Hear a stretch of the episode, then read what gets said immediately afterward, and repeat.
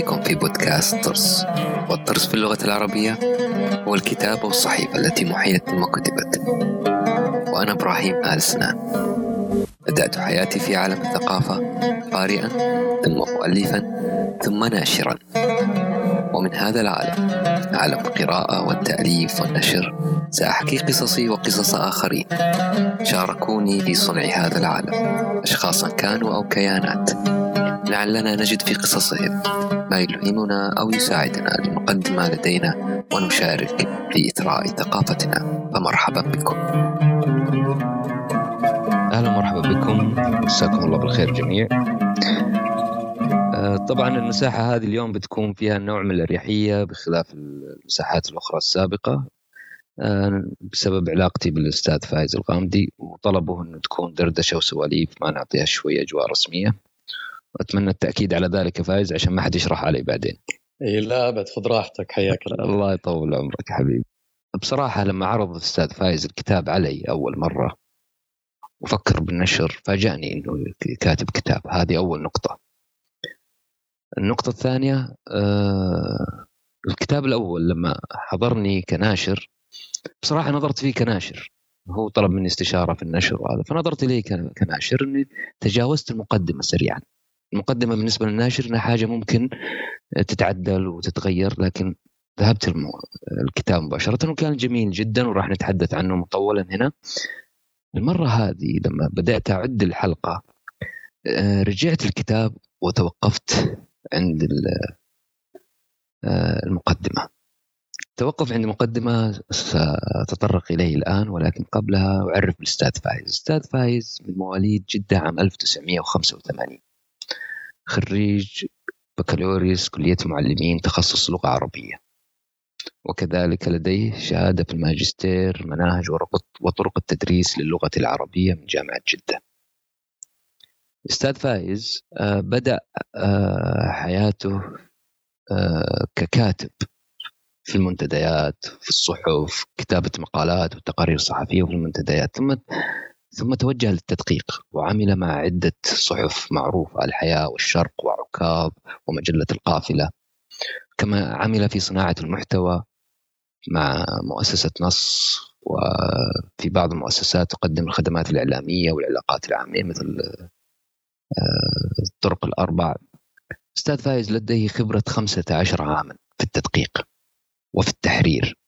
وهذه مدة زمنية طويلة بالنسبة لشخص يعمل في هذا المجال فأكيد لديه كثير من التجارب.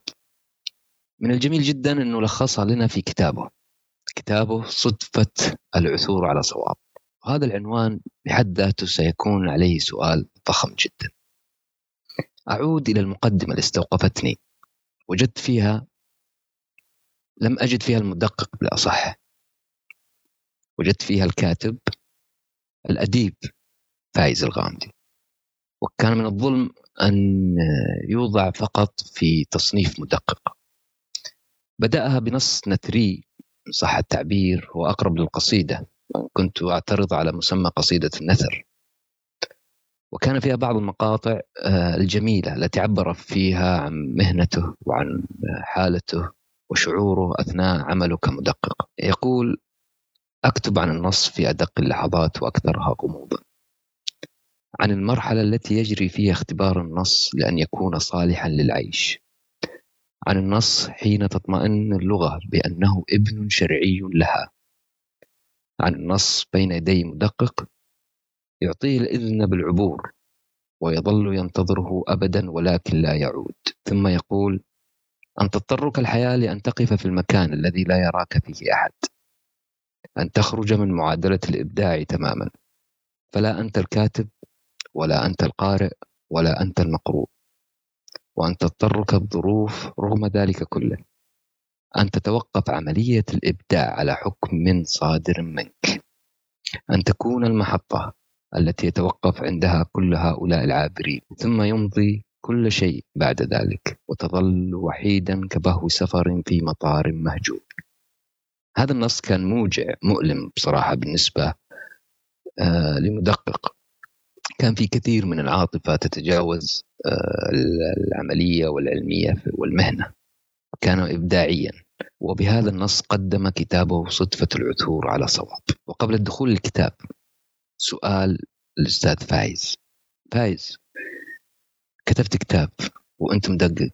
من من دقق كتابك؟ هذا السؤال يهمني الآن. آه هذا يعني من قبيل آه مثلا آه السؤال إنه ماذا تستمع فيروز في الصباح مثلا؟ بالضبط هذا هو. نعم.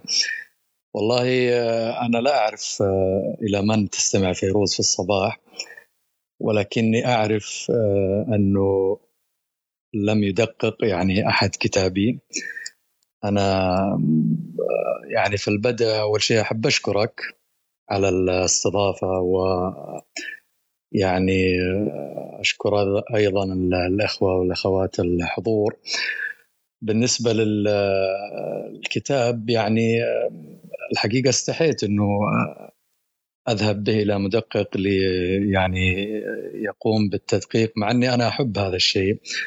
وفي السابق كنت يعني لما أكتب مقال أو نص أو أي شيء في العادة أني احمله وارسله إلى أحد الزملاء ليقرأه بعدي لأنه الحالة الكتابية تختلف كليا عن حالة التدقيق أو هذا ثوب وذلك ثوب آخر. ولا يمكن الجمع بينهما يعني أنت حينما تكتب لابد أن تخلع عباءة المدقق جانبا و يعني إذا أمكن أن ترتديها في نهاية الحفلة أو أنك تتخلص من هذا الشيء كله وتلقي به إلى أحد الزملاء المدققين ليقوم بهذه المهمة. لكن في كتابي تحديدا يعني أنا كنت احيطه بجانب كبير من السرية والتكتم خصوصا عن زملائي يعني في في المهنة لأنه هو أساسا يتكلم عنهم وعن يعني جل المواقف الموجودة هي مواقف عايشتها معهم وأيضا استقيتها منهم. ف وهو الكتاب عموما أصلا مهدى إليهم يعني هو مهدى إلى زملائي في المهنة المدققين اللغويين أو حراس اللغة. أولئك المنسيين تماما. أعجبني لفظ حراس اللغة أستاذ فايز هي و... أفضل من شرطي النصوص يعني كما عبر بها أحد. أخف وطأة يعني. فالحقيقة ما حبيت إني ارسله لأحد منهم حتى يعني لا أفسد المفاجأة. وربما الإخوة في أثر في دار أثر أيضا من ثقتهم في أنهم لم يقوموا بعرضه على مدقق كما سمعت إما لثقتهم بي وإما ل يعني التخلص من العبء المالي للمدقق اللغوي الذي سيشتغل عليه. أنا أرجح الأخيرة. المهم أنه صدر بأخطائه التي يعني أشار إليها أحد الزملاء. اليوم المشكلة إنه المدققين أنا أهديت لهم الكتاب واليوم هم يسنون يعني رماحهم وسكاكينهم يبغون يجدون فيه الأخطاء اللغوية. ولكن يعني أنا من باب المداعبة قلت يعني تركت لكم بعض الأخطاء حتى تشبعوا شغفكم. جميل جميل. طيب تقول أحط كتابك بالسرية. السؤال اللي هنا بما إنك حاطه بالسرية كم مدة الكتاب؟ متى بدأت فكرة الكتاب أستاذ فايز؟ متى يعني شعرت إنه لازم تكتب الشيء هذا؟ يعني أنت فاجأتني يعني أنا أعرفك من أربع سنين تقريبا خمس سنين ما عمرك جبت طاري انه عندك كتاب وإنك شغال على كتاب وفعلا هذه سرية فجأة ترسل لي كتاب وتقول ما رأيك؟ فكم أخذ منك وكيف جت فكرته؟ آه، طبعا وما زلت أتذكر آه، إجابتك على سؤال ما رأيك والتي يعني استفزتني كثيرا حينما قلت إنه حرام هذا الكتاب يكون عن التدقيق اللغوي. فلم أنسى هذا وهذا يمكن أحد الأسباب التي آه، دفعتني للتكتم عن هذا الموضوع لأنه ما أعتقد إنه في شخص آه راح أقول له مثلا إني أنا في صدد التأليف أو الكتابة عن التدقيق اللغوي بال بال بال بالنمط اللي أنا يعني اخترته لكتابة هذا الكتاب وكان سيوافقني. هذا سبب يعني كان بالنسبة لي حاضر من البداية. يعني ممكن يكتب على شكل سيرة أو مذكرات أو أو يكتب بنفس سردي لكن أنا أيضا لم لم أختر هذا المجال. هي الحقيقة بدأت بدأ الكتاب كأفكار منذ خمس أو ست سنوات تقريبا حينما كنت أعمل في صحيفة عكاظ مدققا لغويا متعاونا وأداوم بشكل يومي. يعني كانت تمر علي الكثير من المواقف والكثير من الأحداث التي لم أشاء يعني أو لم تمر هكذا مرور الكرام. يعني كانت لقطات يمكن تحويلها إلى صور إبداعية يمكن تحويلها إلى أيضا نصوص أدبية أو حتى يعني لقطات شعرية كانت تفر من أمام عيني. ولا أجد بدا من تدوينها أو تسجيلها. للا شيء يعني لم يكن حاضرا في ذهني آنذاك. سجلت شيء في في وقتها كنت تسجلها على ورقة وتحتفظ دو فيها؟ نعم دوما كنت أسجلها ل... ل... هكذا يعني ما أعرف لا أعرف بالتحديد ماذا سأصنع بها إنما هي لقطات. دون قصد دون نية لكتاب يعني. لا دون نية لكتاب يعني ممكن أنا أستخدمها في في نص آخر. في يعني هي لقطات شاعريه بامتياز. بعد ما اجتمع لي يعني عدد كبير من هذه الأفكار بدأت الفكرة في إنه لا ممكن أنها تكون آه، نواة لكتاب يتحدث يعني عن التدقيق اللغوي من زاوية أخرى غير الزوايا التي ممكن أن يتم الحديث به عنها. يعني أن لا يكون كتابا مهنيا فالكتب المهنية أتوقع أنها كثير. والدورات التدريبية أيضا أكثر. صحيح هذا هذا السؤال اللي كنت أنا بسألك إياه. جميل. بالفعل أنا يوم سألتك السؤال هذا أنا بصراحة يوم قلت حرام يكون عن مهنة التدقيق. ما ما كان قصدي أقلل من قيمة التدقيق وأهميته ولكن الأسلوب الأدبي. الأسلوب الأدبي كان يعني سردي جميل جدا ومرتفع جدا يعني لم يظهر فيه فايز مدقق يعني زي اللي يقول أنا حرام ما تالف ما كنت يعني ما تركت التدقيق وتفرغت للتأليف. ليه؟ والآن أنت تجاوب تقول إنه الصورة الأدبية هي كانت الاقرب لنفسك وكانت دون قصد ونيه فهل فهل أنت بعد ذلك يعني ما حاولت إنه تضيف شيء من العلمية والمهنية في الكتاب؟ على الأقل تعطيه آه، مرجعية أكبر. يعني اللي كنت حريص عليه إنه أضيف أضيف إليه جانب أو نزعة إنسانية آه، ممكن إنه يعني آه، تجعل هذا الموضوع قابلا للقراءة أو تكون تجربة إنسانية. وهذا اللي كان أصلا يعني خلاني أفكر كثير وأتأنى كثير في اختيار المواضيع أو العناصر اللي هتحدث عنها. يعني آه، أتوقع أنه التدقيق اللغوي لا يعني الكثيرين. يعني ربما يعني العاملين في المجال في مجال النشر والتحرير يعني عموما في المؤسسات المؤسسات الإعلامية والصحفية وهكذا.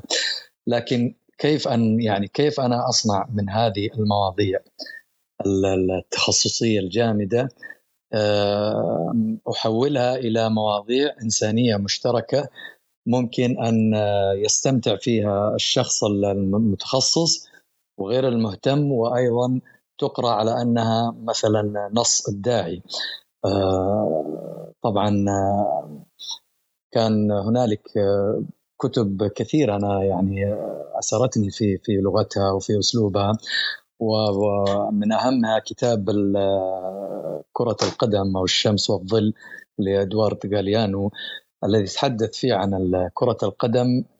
يعني يمكن تحدث عن كل شيء في كرة القدم إلا عن كرة القدم. فهذا النهج يعني حينما يتناول مثلا حارس المرمى ويبدأ يفصل عن يعني وضعية حارس المرمى وكيف يتكلم عن كل شيء إلا عن الفن.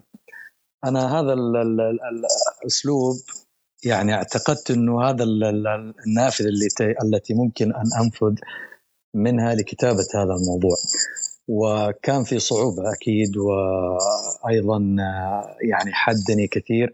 لم أستطع أن أتكلم عن جميع الجوانب حتى لا أقع في مأزق شو اسمه مازق المها العلمية التي اهرب منها والتقريرية وأيضا حتى لا أقع أو بلاش أقع عشان ما يزعلون علينا الروائيين حتى لا يعني أستخدم الجانب السردي وأصنف ك أو يصنف هذا الكتاب على أنه رواية أو مذكرات أو سيرة ذاتية.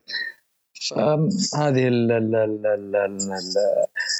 المحددات هذه كانت هي اللي أكثر ما استغرق وقت يعني في في البدء جميل. أما من ناحية الكتابة كانت يعني الأمور واضحة وقتها كم استغرق كتابة الكتاب تجميعه منك؟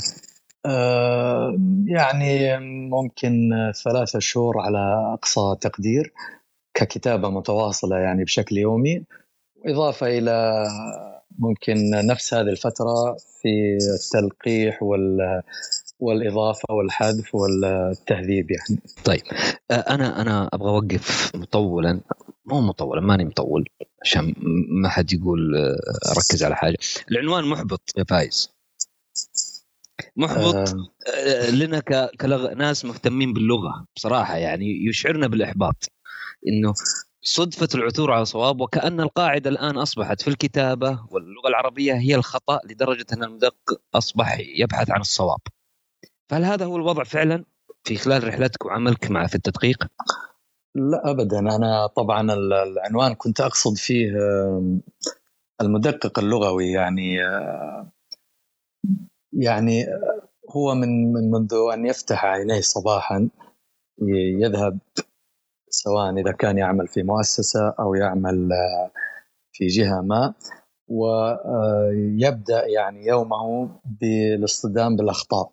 منذ آه، ساعات الصباح الأولى. يقضي فيها تقريبا ثلث أو نصف يومه آه، لمدة أيام لمدة أسابيع وأشهر وأعوام. بعد كذا الكم هذا الهائل من الأخطاء الذي يعني آه، ظل يصارعه حينا ويتصارع معه حينا آخر و تصرعه هذه الأخطاء في أحيان أخرى. بعد ذلك يكتشف أنه الحياة بأكملها أصبحت صفحة مليئة بالجمل وبالكلمات وبالحروف ولم يعد قادرا على يعني المرور بكل تفاصيل الحياة بدون أن يخضعها إلى هذه الحاسة النقدية التي نمت حتى يعني تكاد أن تأكله في كثير من الأحيان. تحولت لمدقق في حياتك يعني فصل الحياة خارج النص. ما أدري أنا ما أبغى اكشفه للجميع أبغاك أنت تتكلم هل أصبحت مدقق في أشياء أخرى غير النصوص في حياتك يعني أصبحت ناقد مدقق مهتم بالتفاصيل هي أعتقد إنه آه، يعني آه، ليست لها علاقة بالعمل كمدقق لغوي. يعني لا أعرف يعني لم لم أجري دراسة علمية وحتى نعرف أثر التدقيق اللغوي على حياة المدقق مثلا عموما. لكن أنت في حياتك يعني إيه؟ في حياتك وانطباعات الناس حولك يعني هل شعروا إنك مدقق؟ يعني في تصرفاتك اليومية كمثال بسيط يعني ما يعني آه، أكيد أعتقد إنه دائما يعني لا, لا توجد عتبة أخيرة يقف عندها المدقق اللغوي ويقول آه، للأخطاء مثلا آه، إلى اللقاء نلتقي غدا. يعني يخرج من النص ليدخل في دوامة ونصوص أخرى. هي تمثل حياته وواقعه وقد لا يلام هو في هذا الشيء. يعني آه، يعني ال- الذي يلام في هذه الحالة هم المخطئون أكثر من المكتشفو الاخطاء لكن هو يعني هذا يعني أنا أوردت هذا المعنى في الكتاب من باب الشفقة. يعني إنه بعد زمن طويل يكتشف أنه هذه الأخطاء يعني لا ليس من أحد معني بها سواه. هو الوحيد الذي يحدق بها وهي تحدق به أيضا ولا ولا أحد يراها سواه. ويظل هو في هذه يعني الكومة من الأخطاء أو الحفلة من الأخطاء. لكن أنا اراها بمعنى إيجابي هي تظل يعني تحفز لديه الحاسة النقدية وتجعله دوما في متيقظ يعني لا تمر من أمام عينيه هذه المظاهر مرور الكرام. وبعد ذلك هي يعني وجودها وكثرتها في حياة المدقق هذه لا يعني أنها تنغص عليه حياته بالمعنى السلبي بل يعني لا أنا أذكر أني مبكرا جدا يعني في مراحل الدراسة المتوسطة والثانوية تقريبا. كنت أصغي إلى خطيب الجمعة و يعني أجده أحيانا يخطي في بعض الكلمات ويزعجني ذلك. لا أعلم هل كان الآخرون يزعجون بهذه الأخطاء أم هم يفكرون يعني فيها شيء بدأت مبكرا شخصية مدقق. آه نعم أنا بالنسبة لي بدأت مبكرا ولم أتجه للتدقيق اللغوي بشكل محترف إلا بعد أن استوت هذه المهارة يعني لدي. طيب آه، تحدثت في فصلين عن حاجتين مهمة. في فصل عن المدقق الذي لا يراه أحد ويهضم حضوره في النص الإبداعي الذي يعمل عليه وعن هضم حقه آه، في منطقة العالم العربي دور النشر ومن الصحافة كمدقق لغوي. آه هذا الفصلين حسيتهم مرتبطين لكنك باعدت بينهما في كتابك. الآن نعم. آه هل تشعر هل كان الكتاب آه طريقة للتعبير عن مسألة أنه أنا أريد أن يراني الناس الآن؟ بالضبط. يعني هذا كان من من الأهداف الرئيسية لكتابة هذا الكتاب. آه، وهذا أكثر تعليق يمكن وصلني بعد أن صدر الكتاب. إنه إحنا آه، يعني لم نكن آه، لم نكن نعلم ماذا يدور في هذا العالم في هذا الجو. وقد يعذرون لأنه يعني لا المدققين كتبوا ولا الآخرون يعني التفتوا إليهم. فكيف سيعرف القارئ هذه الأجواء؟ آه هذا لا يعني أنني يعني مثلا صاحب سبق أو ريادة في هذا الشيء. لا فيه فيه فيه مقالات كتبت ومواضيع نشرت عن تتحدث عن طبيعة عمل المدقق اللغوي. لكن أنا ما عنيته في ذلك المدقق الذي لا يراه أحد. انه يعني شيء عجيب أنا كنت آه، أتعرض له بشكل شبه يومي وهي من الصور التي قلت لك كنت أدونها. يعني العلاقة بين المدقق وبين الخطأ هي علاقة يعني إخفاء علاقة تبادلية إخفائية يعني كل واحد يخفي الآخر. المدقق المفترض منه أن يخفي هذا الخطأ تمام؟ طيب أخفى جميع الأخطاء التي في النص وقام بإزالتها وظهر النص بعد ذلك للقارئ بشكل صحيح تماما بدون أي أخطاء. من سيتساءل حينها أنه هل مر هذا النص على مدقق لغوي أم لا؟ هو سيختفي في هذه الحالة. يعني وجود الصواب أه، يجعل القارئ لا يلتفت أصلا أو حتى لا لا لا يعني لا يخطر في بالي أنه هذا النص ربما مر على مدقق لغوي وقام بتعديلات وقام بإزالة لهذه الأخطاء. بينما لو آه، يعني فلت من ال... وكثيرا ما تحدث يعني أن تفلت على المدقق جملة أو كلمة أو حرف خطا فهنا س... سيشار إليه بالبنان أنه خصوصا من الكاتب أو الناشر يعني القارئ عادة ربما يمكن لا لا تعني هذه الأجواء لكن أول من يشار إليه هو المدقق يعني. فهو يعني واقع بين هذه المعادلة العجيبة إنه بقدر ما يخفي هذه الأخطاء بقدر ما يخفي نفسه في الأخير. طيب هنا السؤال يجي يطرح نفسه. دور نشر تضع الكتاب اسم المؤلف وممكن تضع المعد والمراجع والمصمم. نادر يمكن أنا لم يسبق إن رأيت اسم المدقق. هل تعتقد إنه آه هذا الشيء بس ممارس عندنا في دور النشر العربية ولا إنه عرف عالمي؟ آه لا لا لا توجد يعني. نادرا نادرا ما رأيت اسم مراجع لغوي. يمكن في بعض الروايات المترجمة يوضع اسم المترجم والمراجع كمراجع كمحرر يعني أكثر. آه، في في أمريكا وفي أوروبا هنالك آه، يكتب اسم المحرر الأدبي. أصلا آه، المحرر الأدبي هو يعني عنصر موجود من عناصر النشر وحاضر بقوة ويكتب اسمه في في الكتاب. ولا يعني الكاتب لا يجد غضاضة في أنه يتصل به ويستشيره ويبقيه على اتصال حتى في فترة الكتابة يعني. ليس بعد انتهاء كل شيء. يمكن يمكن هذا من الأسباب اللي تحدث آه، آه، صراع مع بين المدقق والمؤلف إنه بعد ما أنتهي من كل شيء أنا ككاتب يأتي المدقق لربما ينقض كل شيء. فهنا تصير في مشاحنة. لكن لو كان هذا الأمر تم تداركه مبكرا بحيث إنه نكون على اتصال يكون المحرر الأدبي على تواصل مع المؤلف فصلا فصلا أو يعني كل ما انتهى من جزء يرسله له. حتى يخف هذا هذا المشاحنه المتبادلة دائما.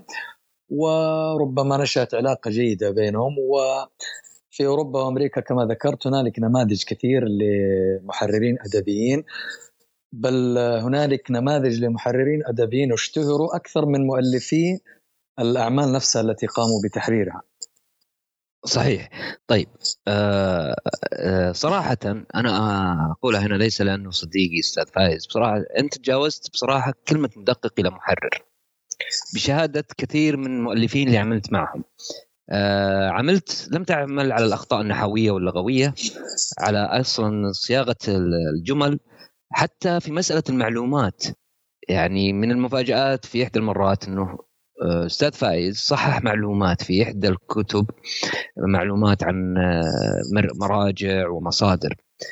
هل تعتقد إنه آه، ممكن المدقق يعني هل فقط وظيفته محدودة مسألة الأخطاء النحوية والاملائيه أو مطلوب منه الشيء اللي أنت تمارسه؟ ما أدري أنت تمارسه كشيء مطلوب منك أو إنك أنت تشوفها إضافة من عندك. يعني المفترض أن المراجع أو المدقق المفترض يعني أن يكون هو يعني في درجة أعلى من درجة الكاتب يعني هو يقيم هذا العمل يقيم هذه المادة يقوم بإصدار حكم عليها فالمفترض أنه يملك من المهارات والإمكانات والمعارف ما تخوله لأن يكون أهلا وجديرا لأن يصدر مثل هذا الحكم. طبعا آه، هذا عدا عن المعلومات التخصصية العميقة التي ممكن أن يكون الكاتب على دراية بها أكثر من لكن على الأقل في مجال في المجال التحريري في المجال اللغوي أن يكون المدقق أعلى درجة من الكاتب. وكذلك آه، يعني عملنا في الصحافة يعني العمل الصحفي آه، تطلب منا نحن المدققين الذين عملنا في الصحافة أن أيضا آه، يعني يشمل عملنا أو يتجاوز التدقيق اللغوي المتعارف عليه من نحو إملاء وعلامات ترقيم إلى آخره إلى تدقيق المعلومة كذلك. يعني إخضاعها لل حتى كنا يعني كثيرا ما نستخدم أيهم اخطر محركات البحث محركات البحث أو ال... إي نعم. أيهم أخطر تدقيق الكتب المؤلفات أم في الصحافة؟ المسؤولية تشعر أكبر وين؟ المس... الخطورة يعني لا توجد خطورة تقريبا مت... يعني مختلفة هنا عن هناك. فالعمل الصحفي التدقيق اللغوي آه، يعني عبء زيادة عن العبء الذي يتم استخدامه في التدقيق اللي هو تدقيق الكتب وكذا. عندك عامل السرعة يعني عامل الوقت أنت تعمل إذا خصوصا إذا كانت الصحيفة تصدر يوميا أنت ملزم بالركض بسرعة زملائك الآخرين يعني المحررين وال الاخوان يعني الفنيين في الأقسام الفنية في الإخراج والتنفيذ. في الطباعه في هم يسيرون يركضون بسرعة هائلة ليدركون الوقت يعني. فأنت كمدقق لغوي لابد أن تركض بنفس هذه بنفس هذه السرعة وهذا مستحيل. مستحيل جدا يعني. أنت لو ركضت كما يركضون فات عليك الكثير من الأخطاء. فتصبح أنت هنا في بين صوتين يعني. صوت يجلدك من الخلف وصوت يجلدك من الأمام ولا تدري إلى أين تذهب.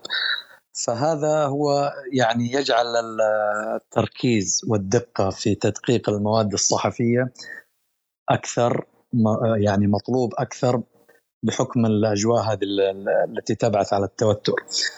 بينما المسؤولية أكيد إنه لما تعمل أنت في تدقيق مواد أو تحرير أو تدقيق مواد لجهات إعلامية مثلا رسمية حكومية أو شركات أو صحف أنت ستعمل وفق يعني سياسة تحريرية معينة تنتهجها هذه المؤسسة أو تلك. فايضا سيكون عبئا اضافيا عليك إضافة إلى عبء التدقيق المعتاد سيكون عبئا آخر عليك هو الدخول إلى صفة الرقيب يعني ستصبح إضافة. ما إذا سمحت لي؟ آه ما كان في كتاب تحرير اللي يسمونه style book أو book style للصحف يساعد المدققين على معرفة إيه؟ الأشياء هذه؟ موجود. معظم المؤسسات الإعلامية والصحف الكبرى لديها أدلة تحرير اللي style book وهذا أيضا يعني كذلك يضيف عبء آخر يعني ال style book اللي كان موجودا في صحيفة الحياة غير ال style book اللي في صحيفة عكاظ غير ال style book اللي في صحيفة الشرق الأوسط وكلها يعني كلها ليست خطأ يعني كلها صواب ولكن كل جهة إعلامية ترى أنه هذا الدليل هو الذي يجب أن يسير عليه المحرر المفترض يعني هو في الدرجة الأولى هو معني به المحررون وفي الدرجة الثانية أيضا معني به المدققون كرقابة على آه، أنه هذه المواد آه، يعني آه، كتبت وصيغت وفق هذه الأدلة التحريرية. تحب دورك كرقيب؟ أعتقد أنه الكتاب لا يحبون هذا الدور هو دور سيء السمعة يعني أكيد لكن يظلم فيه المدقق أكيد يعني هو هو لم لم يضع هذه المحاذير التي تفرض عليه أن يقوم برقابة الأعمال من خلالها. هو أيضا يمكن في مرحلة من المراحل يعد أيضا لو أنه أجاز مادة مخالفة لهذه المعايير معايير النشر سيتم محاسبته هو أول واحد. طيب سؤال قبل ما أدخل في المحور اللي بعده. برشلونه يا فايز؟ آه ليش؟ إيش معنى؟ كان لك فصل جميل جدا تكلمت فيه عن الحكم واللاعب. يعني آه، أسقطت المدقق والقارئ في آه، أو والمؤلف في الحكم واللاعب. أعجبني جدا الإسقاط هذا وأنت بدات ببرشلونة وحبيت أدخل من هذا الباب. صحيح. أنت برشلوني أو لا؟ والله أنا حتى يعني آه، أنا لا أعرف عن برشلونة إلا لونه فقط. و... ولذلك وقعت في حرج شديد. آه إني أذكر مثلا مباراة معينة بعينها أو أستشهد بحدث معين آه لجهل التام بهذه الأمور. لكن آه هي كانت زي ما قلت يعني مدخل أو صورة قمت بتوظيفها بدور المدقق بأنه هو الحكم والكاتب هو اللاعب. وما يحدث من آه، خصام ومن آه، شد وجذب بين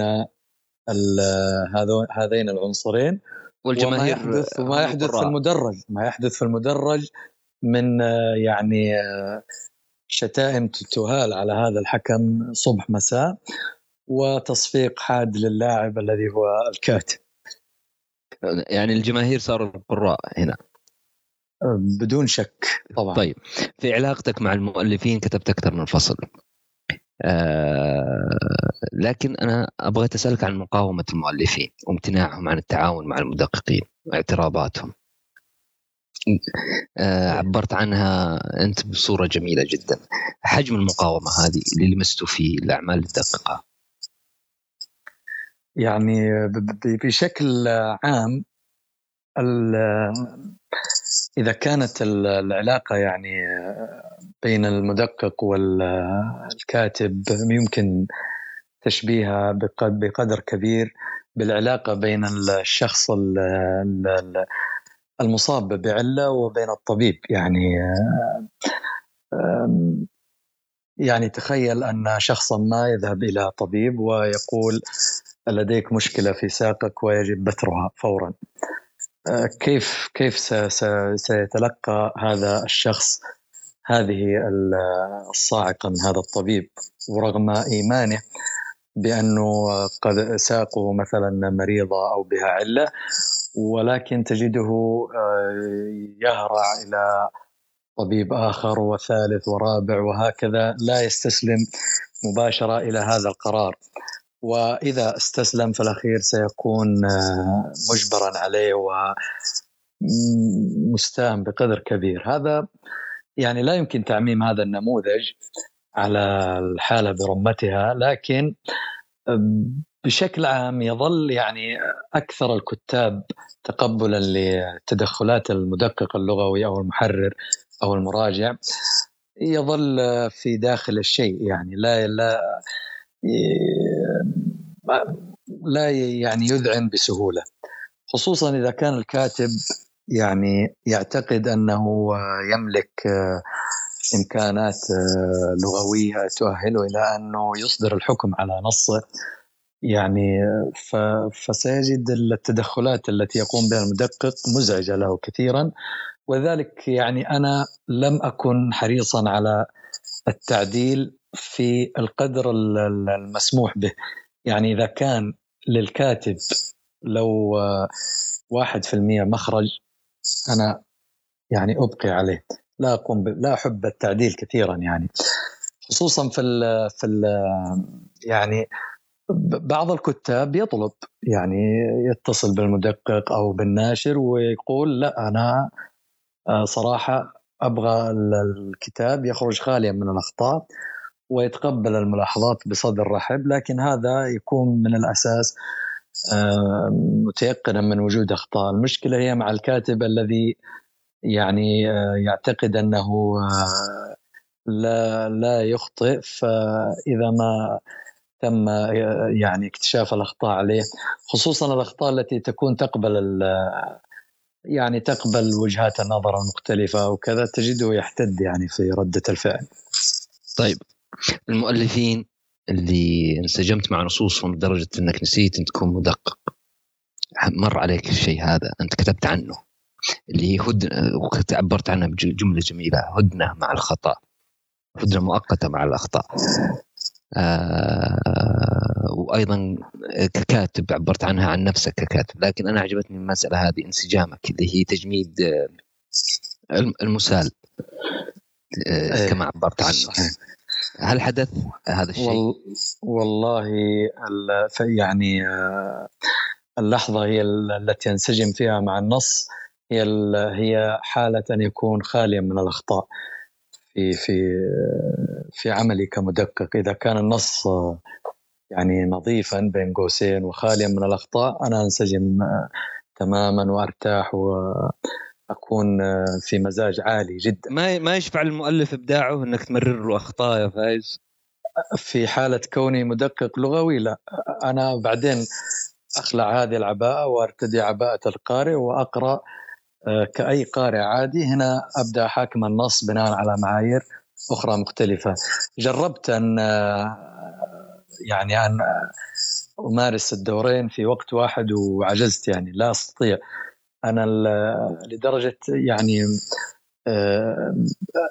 يعني النص الذي يمكن أن يبقيني في حالة يعني حالة مزاجية جيدة هو النص الخالي من الأخطاء فقط. طيب عملت مع دور نشر كثيرة يا فايز. مدارك وأثر ومركز الأدب العربي وكلمات اللي هو روايات. أبغى أسألك آه، الكتب أنت تشوفها قبل نشرها.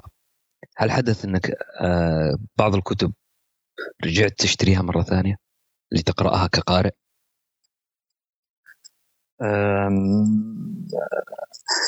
لا لم يحدث يعني أني رجعت إلى شراها بعد النشر. لا أتذكر آه، ابدا. لكن آه، يعني بعضها بقيت في ذاكرتي وعلقت يعني الحقيقة. قليل جدا يعني قليل فعلا التي بقيت في ذهني وحرصت يعني مع الوقت إني أرجع ثاني مرة وأقرأها بعيدا عن صخب التدقيق والمراجعة. طيب عد على صعب طيب إشكالية السرية وعدم الإفصاح هذه كيف كنت تواجهها؟ تعرف يعني المؤلفين أنا كناشر المؤلف يلا يعطيني كتابه فما بالك بالمدقق إنه ليس لا ليس مؤسسة هو شخص فقط.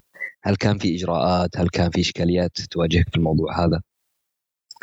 أكيد يعني إحنا طبعا في في التعامل المدقق مع دار النشر آه، هو يتم بناء على وثيقة عدم إفشاء متعارف عليها يعني يتم التوقيع عليها قبل الاتفاق مع المدقق. وهذه تحفظ حقوق الكاتب الفكرية يعني بأنه لا يستخدم أي جزء من الكتاب في أي مكان آخر أو يوظفه آه، في في آه، أماكن أخرى.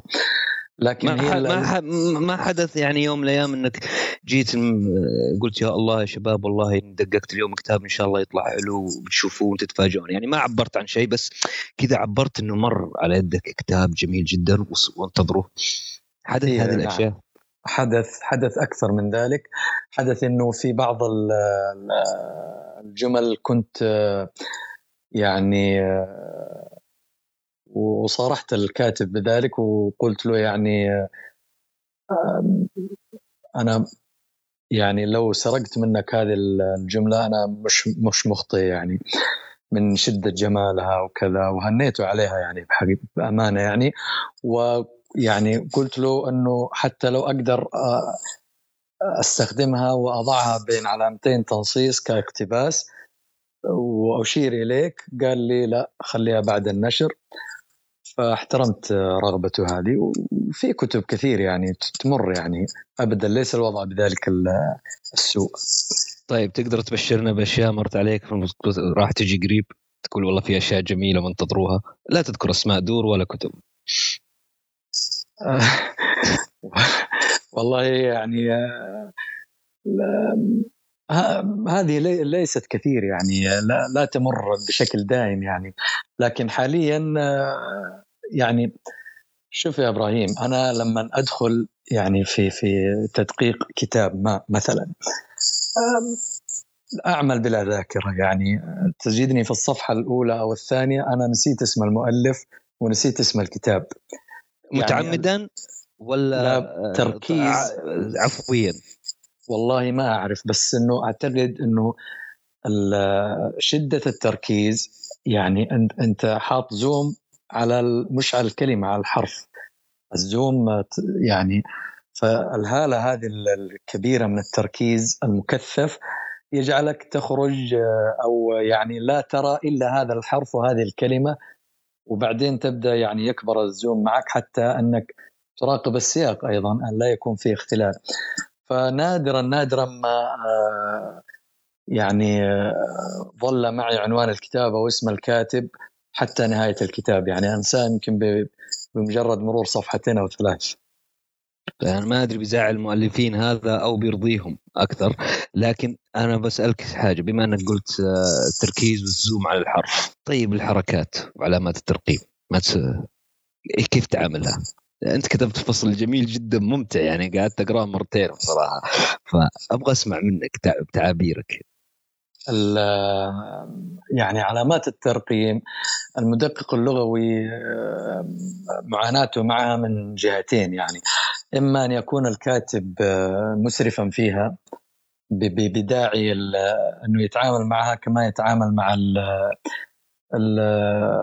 الديكور والزينة. مثلا إنه يشعر أن النص اللي كتبه خرافي إذا كان مليئا بعلامات التعجب والاستفهام. ورغم إنه الجملة لا تستدعي حتى حتى الوقوف أمامها ما بالك التعجب. أو كاتب آخر آه، أبد آه، مسترسل ابدا لا يوقفه شيء. لا تعرف أين نهاية الجملة من آه، نهاية الفقرة من نهاية النص. يمشي هكذا يعني باسترسال تام. فهنا المدقق يعني أنا بالنسبة لي أفضل أنه الكاتب إذا ما كان يعني يعرف قواعد كتابة علامات الترقيم الا يكتبها نهائيا ويترك الأمر للمدقق أو على الأقل يضيف العلامات التي لا غنى من وضعها. يعني بعض علامات الترقيم يعني عدم وضعها يسبب فهم خاطئ للمعنى فهنا توضع. أما غير ذلك فلا لا, لا داعي لوجودها. يعني آه، أنا لست حريص على إضافة علامات الترقيم بالشكل المنصوص عليه إلا إذا طلب مني هذا الشيء وكان اتفاقا مسبقا بيني وبين الكاتب أو بيني وبين الناشر إنه لا أرجو التقيد بالعلامات الترقيم لا هنا يصبح الوضع مختلفا. و يعني من ضمن الأشياء اللي كانت أو المواقف الحرجة اللي كنا نواجهها بالذات في العمل في الصحافة إصرار بعض الكتاب على وضع علامات ترقيم يعني بشكل خرافي يعني تجده يكتب في هذه الزاوية منذ 15 سنة أو 20 سنة ومعتاد أن عنده قالب معين مثلا يكتب في العنوان آه، يكتب العنوان ويضيف إليه علامتين تعجب. حتى لو كان العنوان من قبيل إنه يعني تزعجك تزعجك هذه الاستخدام المفرط الآن الآن يحط ثلاث نقاط يحط أربع علامات تعجب ثلاثة استفهام آه، ما, ما تزعج يعني. تحس إنه مثلا يبغى يزيد ما تزعج هو مبسوط. هذا؟ هو إيوه. مبسوط بهذا المنظر يعني. ويعني مثلا غدا العودة للمدرسة ممكن يحط علامتين تعجب واستفهام بعدها. ما تعرف ليش يعني. واللي يزعجني أكثر ما هو هذا الشيء. أنا أنا بالذات في في الكمبيوتر يعني أو بالعمل في التدقيق بواسطة الكمبيوتر يعني سهل علينا كثير من ناحية إنك تعمل حذف واستبدال وكذا فتزيل هذه العلامات في ضغطة زر واحدة. اللي يزعجني أكثر أنه يغضب لأنك زلت هذه العلامة وربما اتصل بالرئيس التحرير في اليوم الثاني يتساءل ويسأل من هذا الذي آه، عبث بمقالي وكذا. هذا اللي يزعج أكثر يعني. يعترض على إزالة الأشياء الخاطئة الكاتب؟ هو يعني آه، هو ما يدري إنها خاطئة يعني. وممكن إنه ممكن إنها تمر يعني. هي ليست شرطا يعني أنه تبقى. لكن هو لا يعتقد أنها خاطئة وهو يقول أنه لا هذا أنا أنا معتاد أن أكتب بهذا الشكل. يعني أنت بهذا العمل ستصدم قارئي في اليوم الآخر حينما يرى عنواني بدون علامات تعجب. هو يفترض أنه القارئ السلوك واسلوب يعني لا تغيروا عليه يعني صار. يعني هوية بصرية عرفت؟ براندنج يعني قصدك. تقريبا يعني عجيب. شيء عجيب. طيب أنا بسألك عن حاجة أنت سويتها. أنت قلت إنك تواصلت مع دور نشر وسالتهم عن هل يوجد لديكم محررين ادبيين ليه؟ ليه سألت السؤال هذا؟ آه في في آه تقصد في التقرير أو اللي نشر في صحيفة عكاظ. نعم. آه، لأنه الحديث اليوم عن وجود محرر أدبي يعني أصبح ضرورة. للكاتب وللناشر وللقارئ كذلك. يعني الدور اليوم دور المحرر الأدبي آه وعموما في فيها مبادرات من وزارة الثقافة مؤخرا هيئة الأدب والنشر والترجمة. أعتقد إنه آه، قدموا مبادرات بها بهذا الخصوص.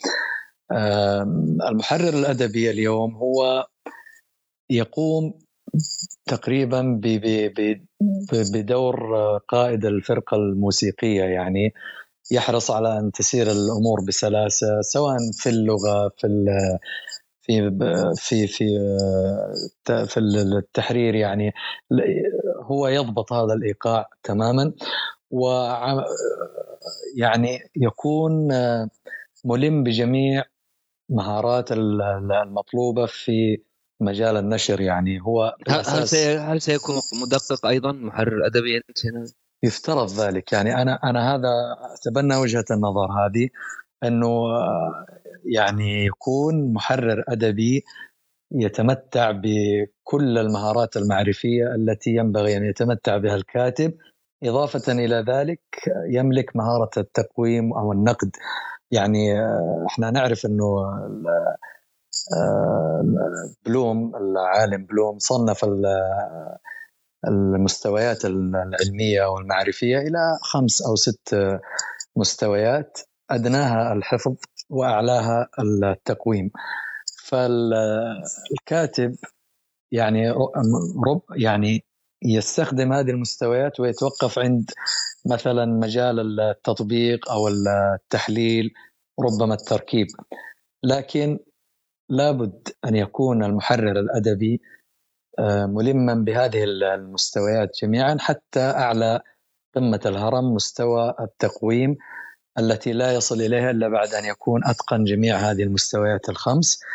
وبكذا يعني آه، آه، هذا يعني يقود إلى جودة في النشر في المواد المنشورة يقود إلى ضبط العملية بشكل أكبر. وربما يعني تكون تدخلات المحرر الأدبي أكثر منطقية من أنه يعني يكون دوره مقتصر على الهمزة ولا الفاصله ولا المنصوب والمرفوع التي ربما يعني يجد فيها الكاتب تعطيلا لعمله لا ينبغي أن يكون. طيب إذا وصلنا المرحله هذه من المحرر الأدبي إيش بقي للمؤلف؟ إيش إيش بيصير دوره؟ بس الفكرة؟ آه هذا شيء مهم يعني إيجاد الفكرة وجمع المادة العلمية أو أو إذا كانت المادة أدبية التجربة الأدبية يعني هذه كلها يمر بها المؤلف لا يمر بها المحرر. التجربة التي يكتب عنها هو يكتب عن تجربة خاضها. بينما المحرر لا هو يتعامل مع المنتج النهائي كمنتج نهائي يصدر عليه قيمة أو حكما أو تقويما فنيا يخضع لمعايير اللغة ومعايير الأدب ومعايير النشر. يعني أنت تعتقد إنه لازم نطلع من مسألة آه، انه المؤلف خصوصا في المجال الإبداعي وفي اللغة العربية أن يكون متمكن من جميع المهارات، يعني هذه تطلب من المؤلفين. آه، في حين أنت أشرت للغرب إنه يكون في محرر أدبي يتواصل مع المؤلف وممكن إنه يغنيه عن كل أدوات اللغة كلها ويقوم بها.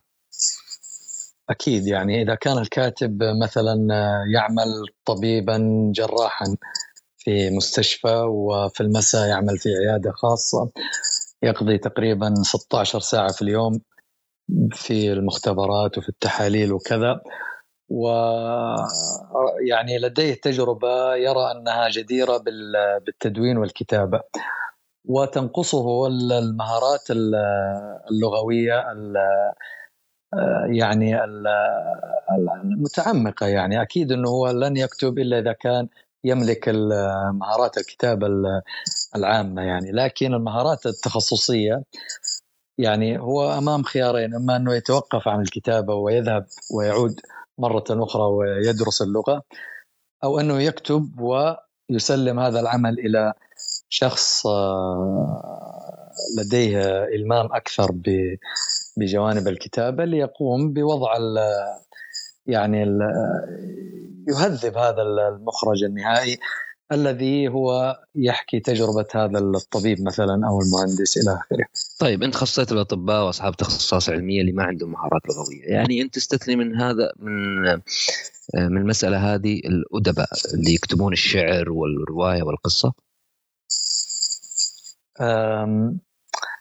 يعني الكتابة في الأدب المفترض أنها تكون منذ الصغر يعني منذ موهبة موهبة الكتابة سواء في الشعر أو في النثر.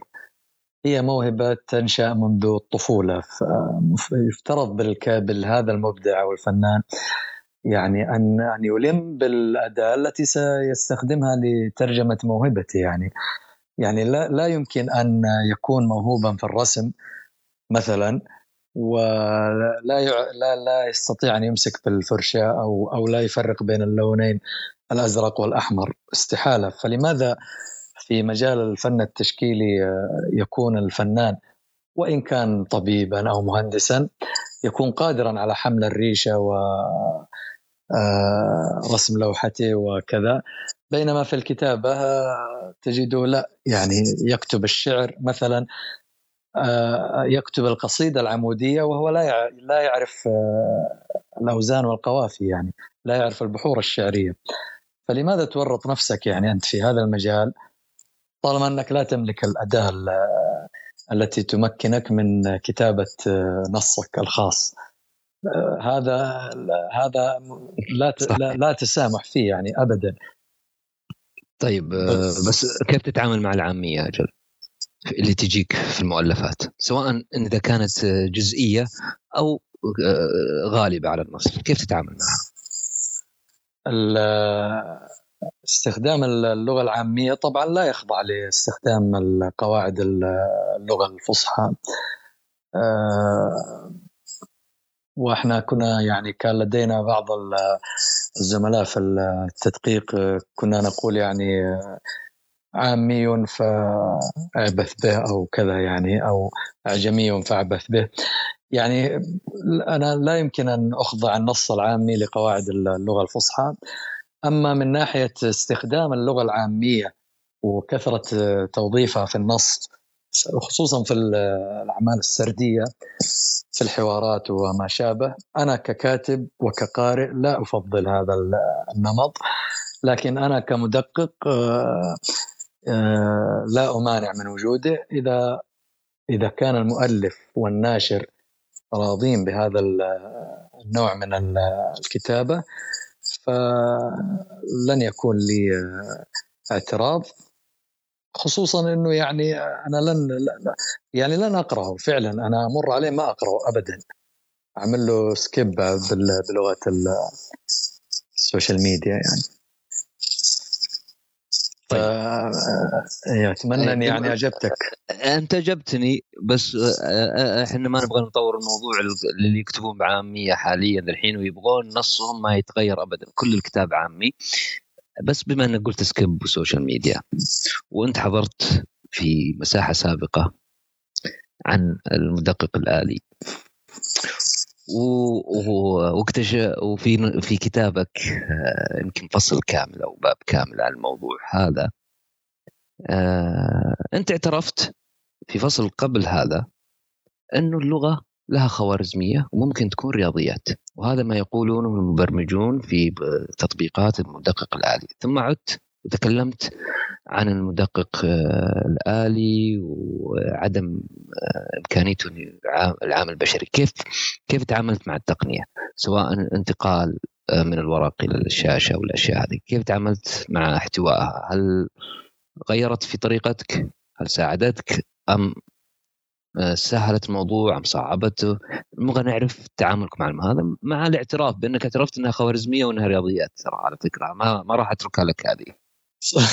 صحيح اللي عنيته بالخوارزميات اللغة هي القواعد. يعني القواعد قواعد اللغة سواء في النحو أو في الإملاء هي قواعد وقوالب يمكن تعميمها على على أشياء كثيرة. يعني من في, في, في كمبرمج ممكن أن يقوم ب تحويل هذه القواعد إلى أكواد برمجية و بالتالي يقوم المدقق الآلي بتدقيق النص بناء على هذه المدخلات ولن ينجح في الأخير يعني. سيصطدم بأشياء كثيرة لكن كنسبة يعني لا أعرف الحقيقة لم لم لم أقرأ دراسة أو آه، رقم معين يتحدث عن أنه آه، هذا المدقق الآلي أقول لك شيء إيه. ولا تزعل عليه لا ما لا لا تزعل. لا لا تقول.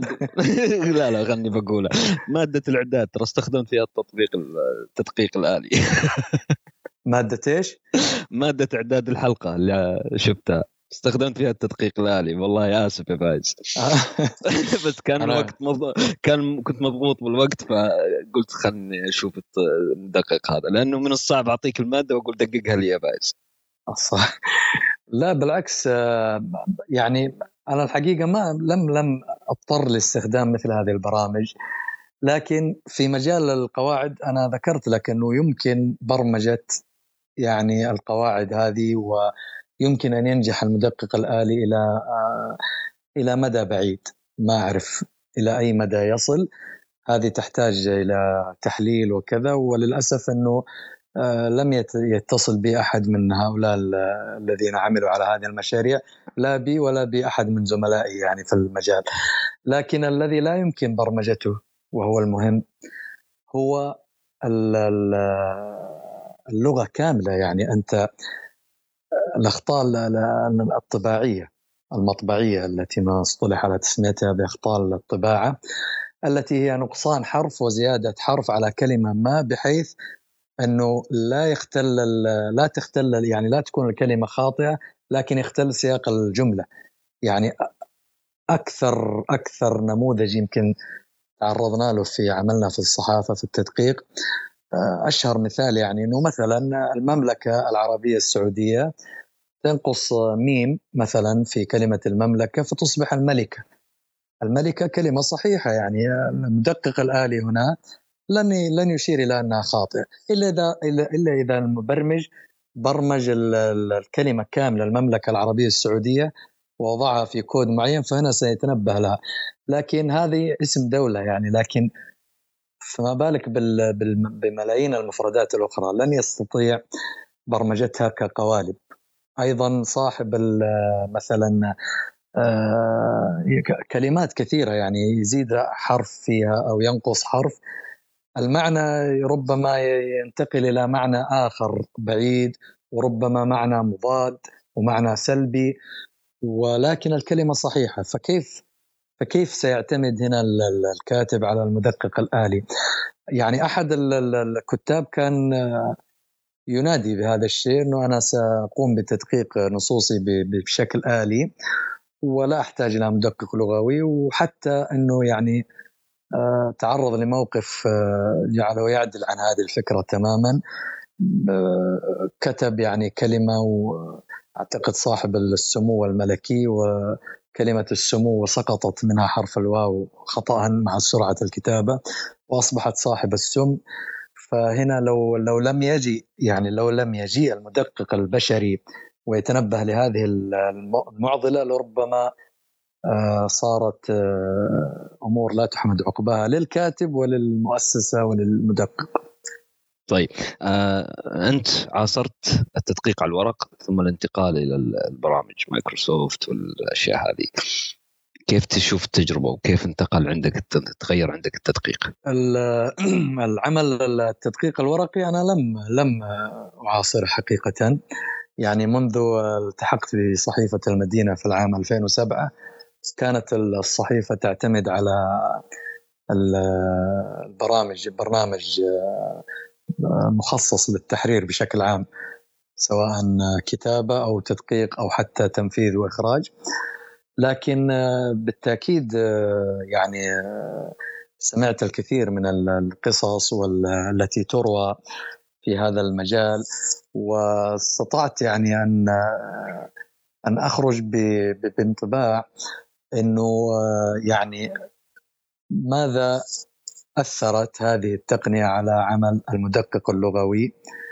التأثير الأول والأبرز والأهم هو إنه وجود الكثير من الأخطاء المطبعية في حالة التدقيق عبر جهاز الكمبيوتر.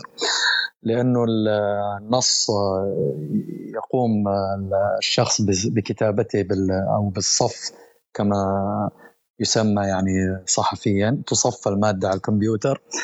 فمع السرعة الرهيبة يسقط حرف يزيد حرف. هذه لم تكن موجودة في على النص الورقي. يعني لا يوجد كاتب يكتب بيده وينسى كتابة حرف أو أو أو أو يزود كتابة حرف على كلمة. ما هذه من ضمن الفوارق. أيضا التعامل مع النص في خلال الكمبيوتر هو تعامل بين العين المدقق وبين الضوء الساطع المنبعث من الشاشة. وحتى يعني حتى لو تم تعتيم هذا الضوء أو الشاشات الحديثة ما تتصف به من مشتتات لهذا الضوء إلا أنه يظل جهد عصبي رهيب يتعرض له هذا المدقق يؤثر عليه أكيد في التركيز وفي تشتيت الانتباه وفي الخداع البصري. هذه مشا... مشكلات لم تكن موجودة في السابق يعني في تدقيق النصوص على الورق.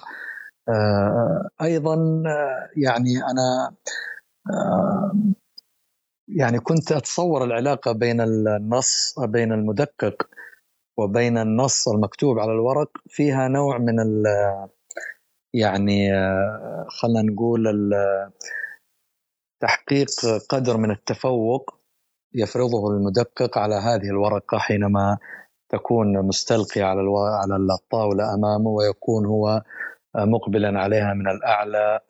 آه، فيها يعني إيحاء بالسيطرة وبالإدراك التام.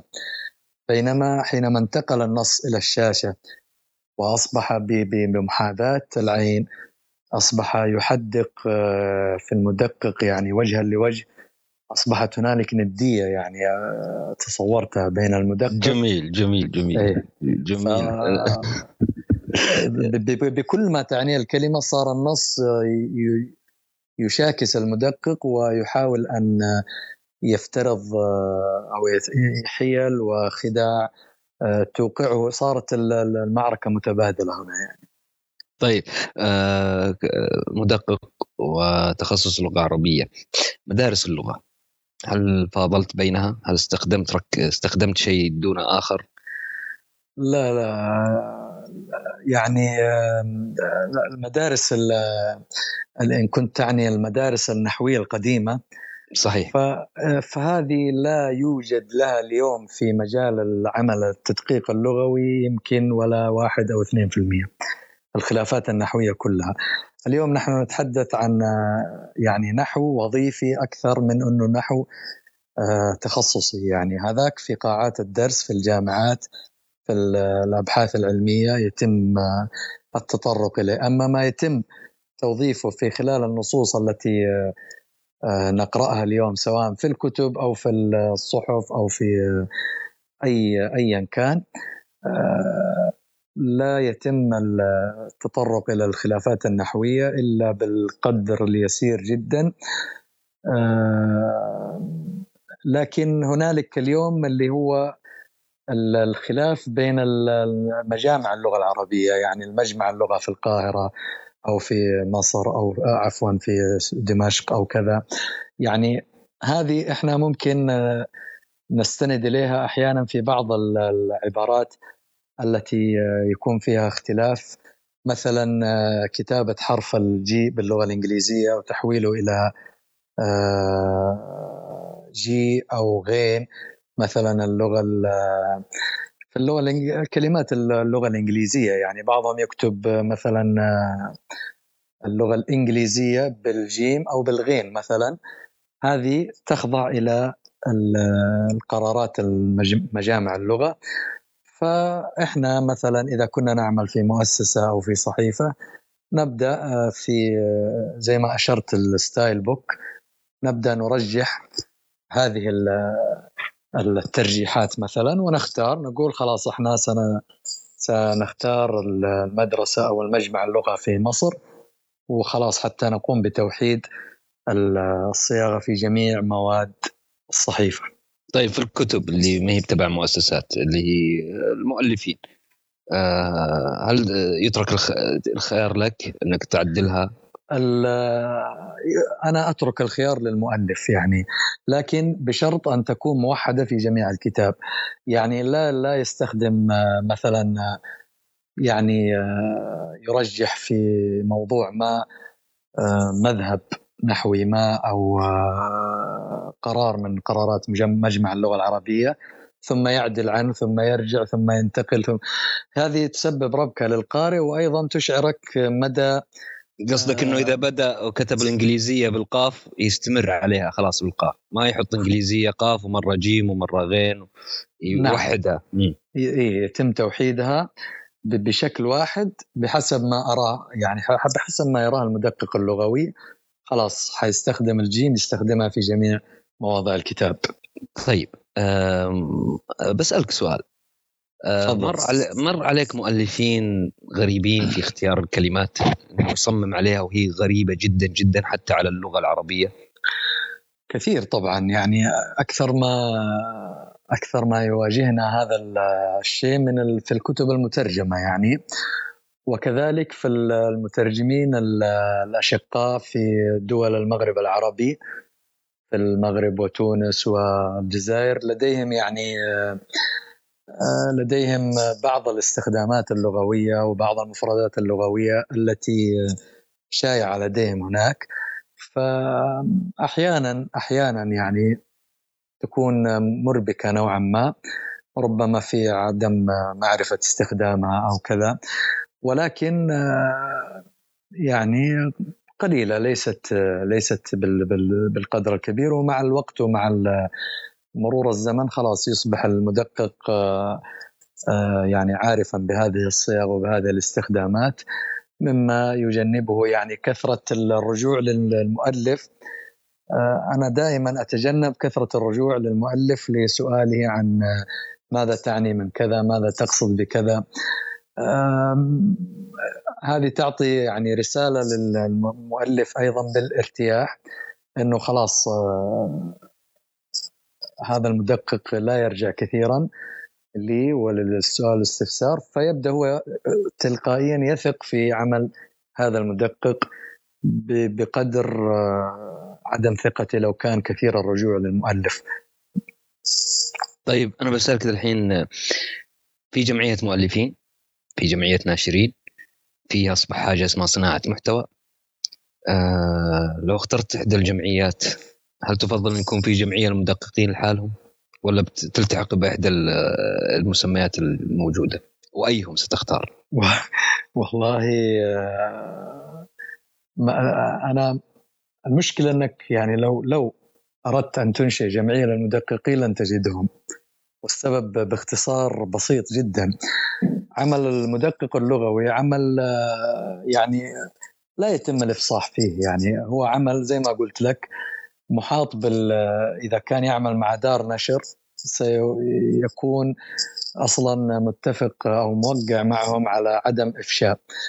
طيب أنت مدقق لغوي ماذا إيش الكتب اللي دققتها مثلا؟ أنت لو تسألني الآن ما هي الكتب التي قمت بتدقيقها؟ أنا لا أستطيع أن أجيبك على أي كتاب واحد. لا أستطيع أن أقول أنا دققت كتاب فلان أو علان. لا لا يمكنني ذلك. يعني سيظلوا مخفيين للأبد مدققين اي فاين ستجدهم؟ يعني لن تجدهم. طيب جمعتهم. إيش سوي إيش شغلك أنت السابق؟ ما هي أعمالك السابقة يعني؟ هذا هذا سؤال يسأل فيه أي شخص في مجال الكتابة والمحتوى. أنت مصمم أنت كاتب أنت مخرج عندك أعمال سابقة رصيد سابق. طيب أنت مدقق لغوي. ما هي أعمالك السابقة؟ تقول أنا عملت في دار كذا ودار كذا ودار كذا. طيب معظم الدور أصلا لا تعطي آه، وثيقة أو شهادة خبرة للمدقق. لا توجد إلا الإيميلات المراسلات التي بين الدار وبين المدقق. وهذه آه، خطابات يعني لا يمكن آه، إعلانها وافشائها والإعتماد عليها كوثيقة يعني. فلا أنا أشوف جمعية شوف لي جمعية معك سجل. أبشر والله. أسوي جمعية أنا وياك تحالنا فيها. ما, ما طلبت شيء. بسألك هل كل من تخرج بكالوريوس لغة عربية يستطيع أن يعمل مدققا؟ لا. لا طبعا. ليه؟ لأنه يعني عمل التدقيق اللغوي آه، هو لا شك إنه يعني يعتمد بالدرجة الأولى على مدى إتقانك لل للغة. ومدى إتقانك للغة هذا لا يعني أنك دائم تكون خريج بكالوريوس أو دكتوراه حتى لغة عربية. يعني كان معنا من الزملاء في العاملين في في بعض المؤسسات التي عملت فيها من كان يحمل شهادة دكتوراه في النحو من جامعة مرموقة كنا حينها يعني أنا كنت حينها ما زلت للتو متخرجا من البكالوريوس وكنت أقوم بالتعديل عليه أو بتصو... ليس التعديل وإنما التصويب كانت لدي أخطاء نحوية يعني تصور.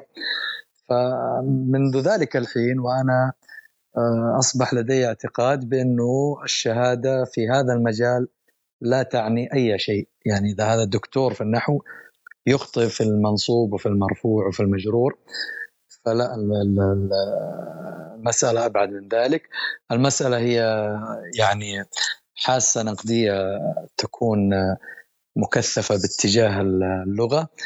إضافة إلى رصيد لغوي لا بأس به.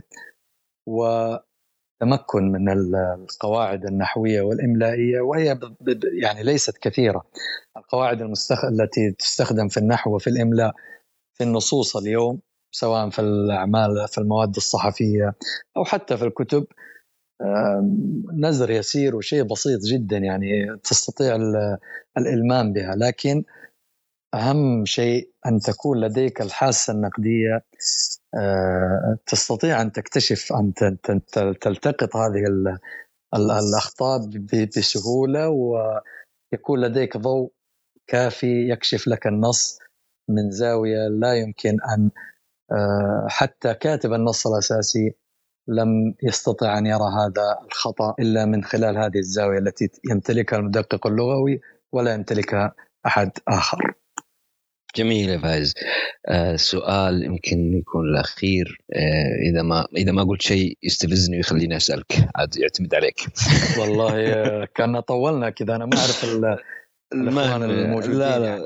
لا الحديث معك جميل وهذه مادة أيضا ستسجل كبودكاست وسيستمتع فيها الكثير وخصوصا المدققين هل تعتبر كتابك كان انتصارا لمهنة التدقيق؟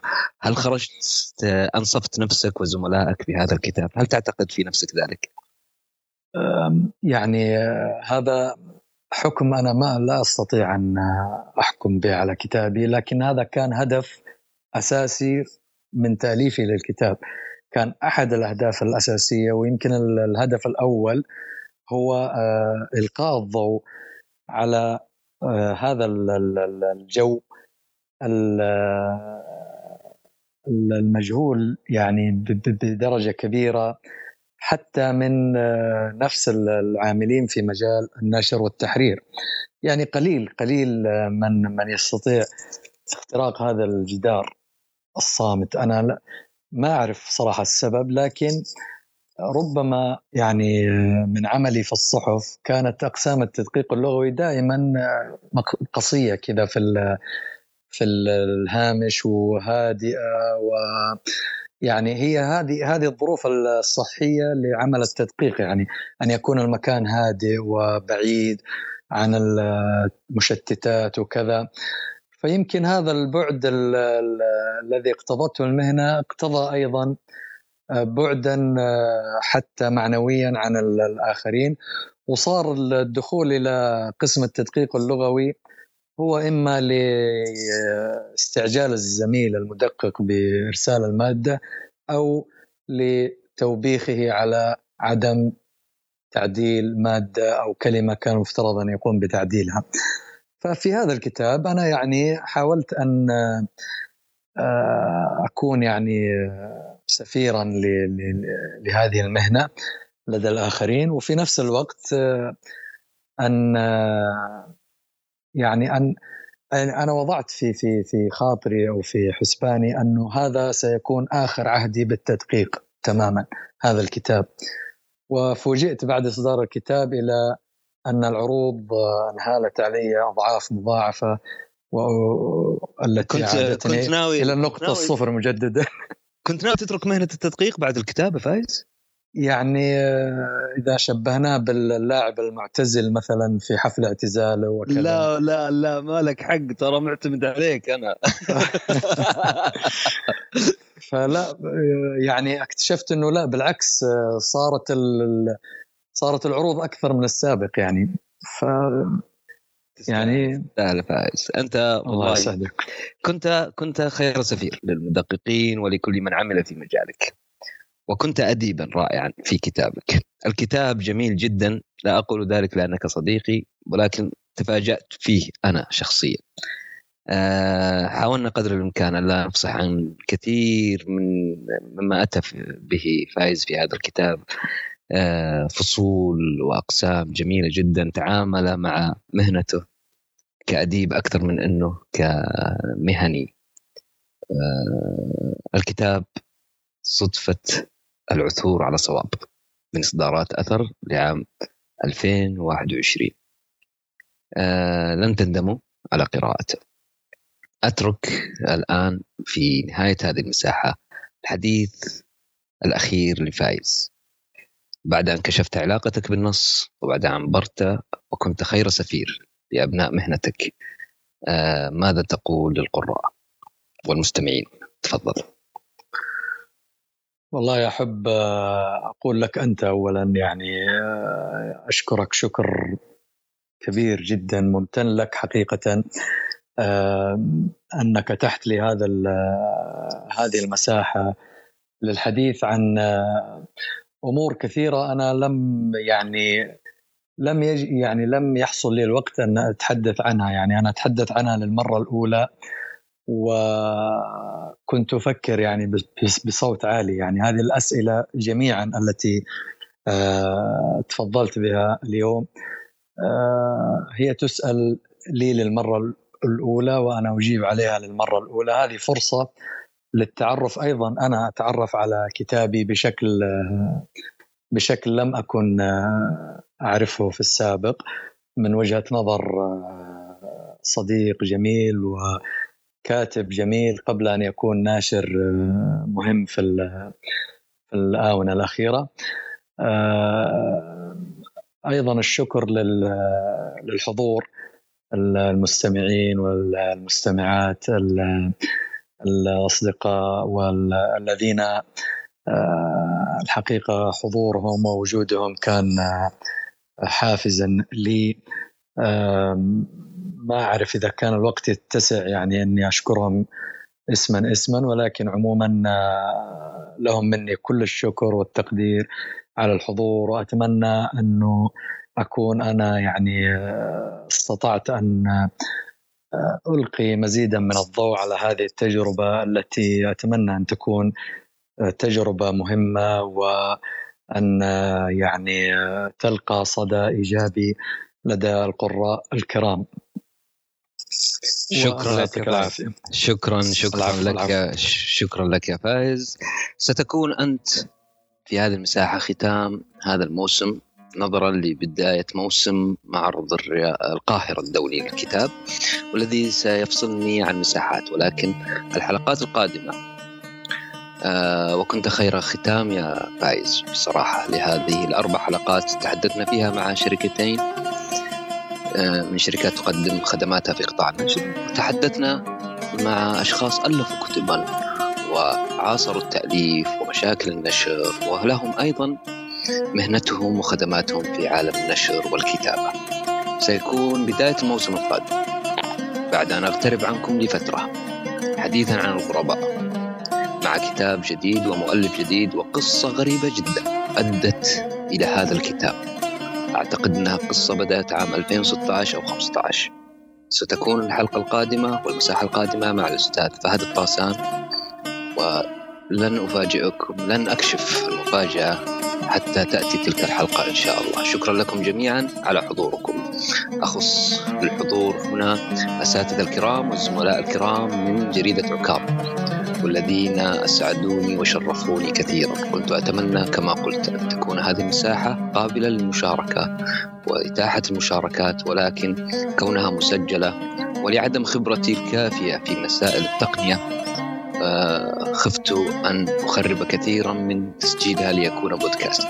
شكرا لكم جميعا وتمسون على خير وإلى اللقاء إن شاء الله مع بداية الحلقات القادمة. وشكرا لكم.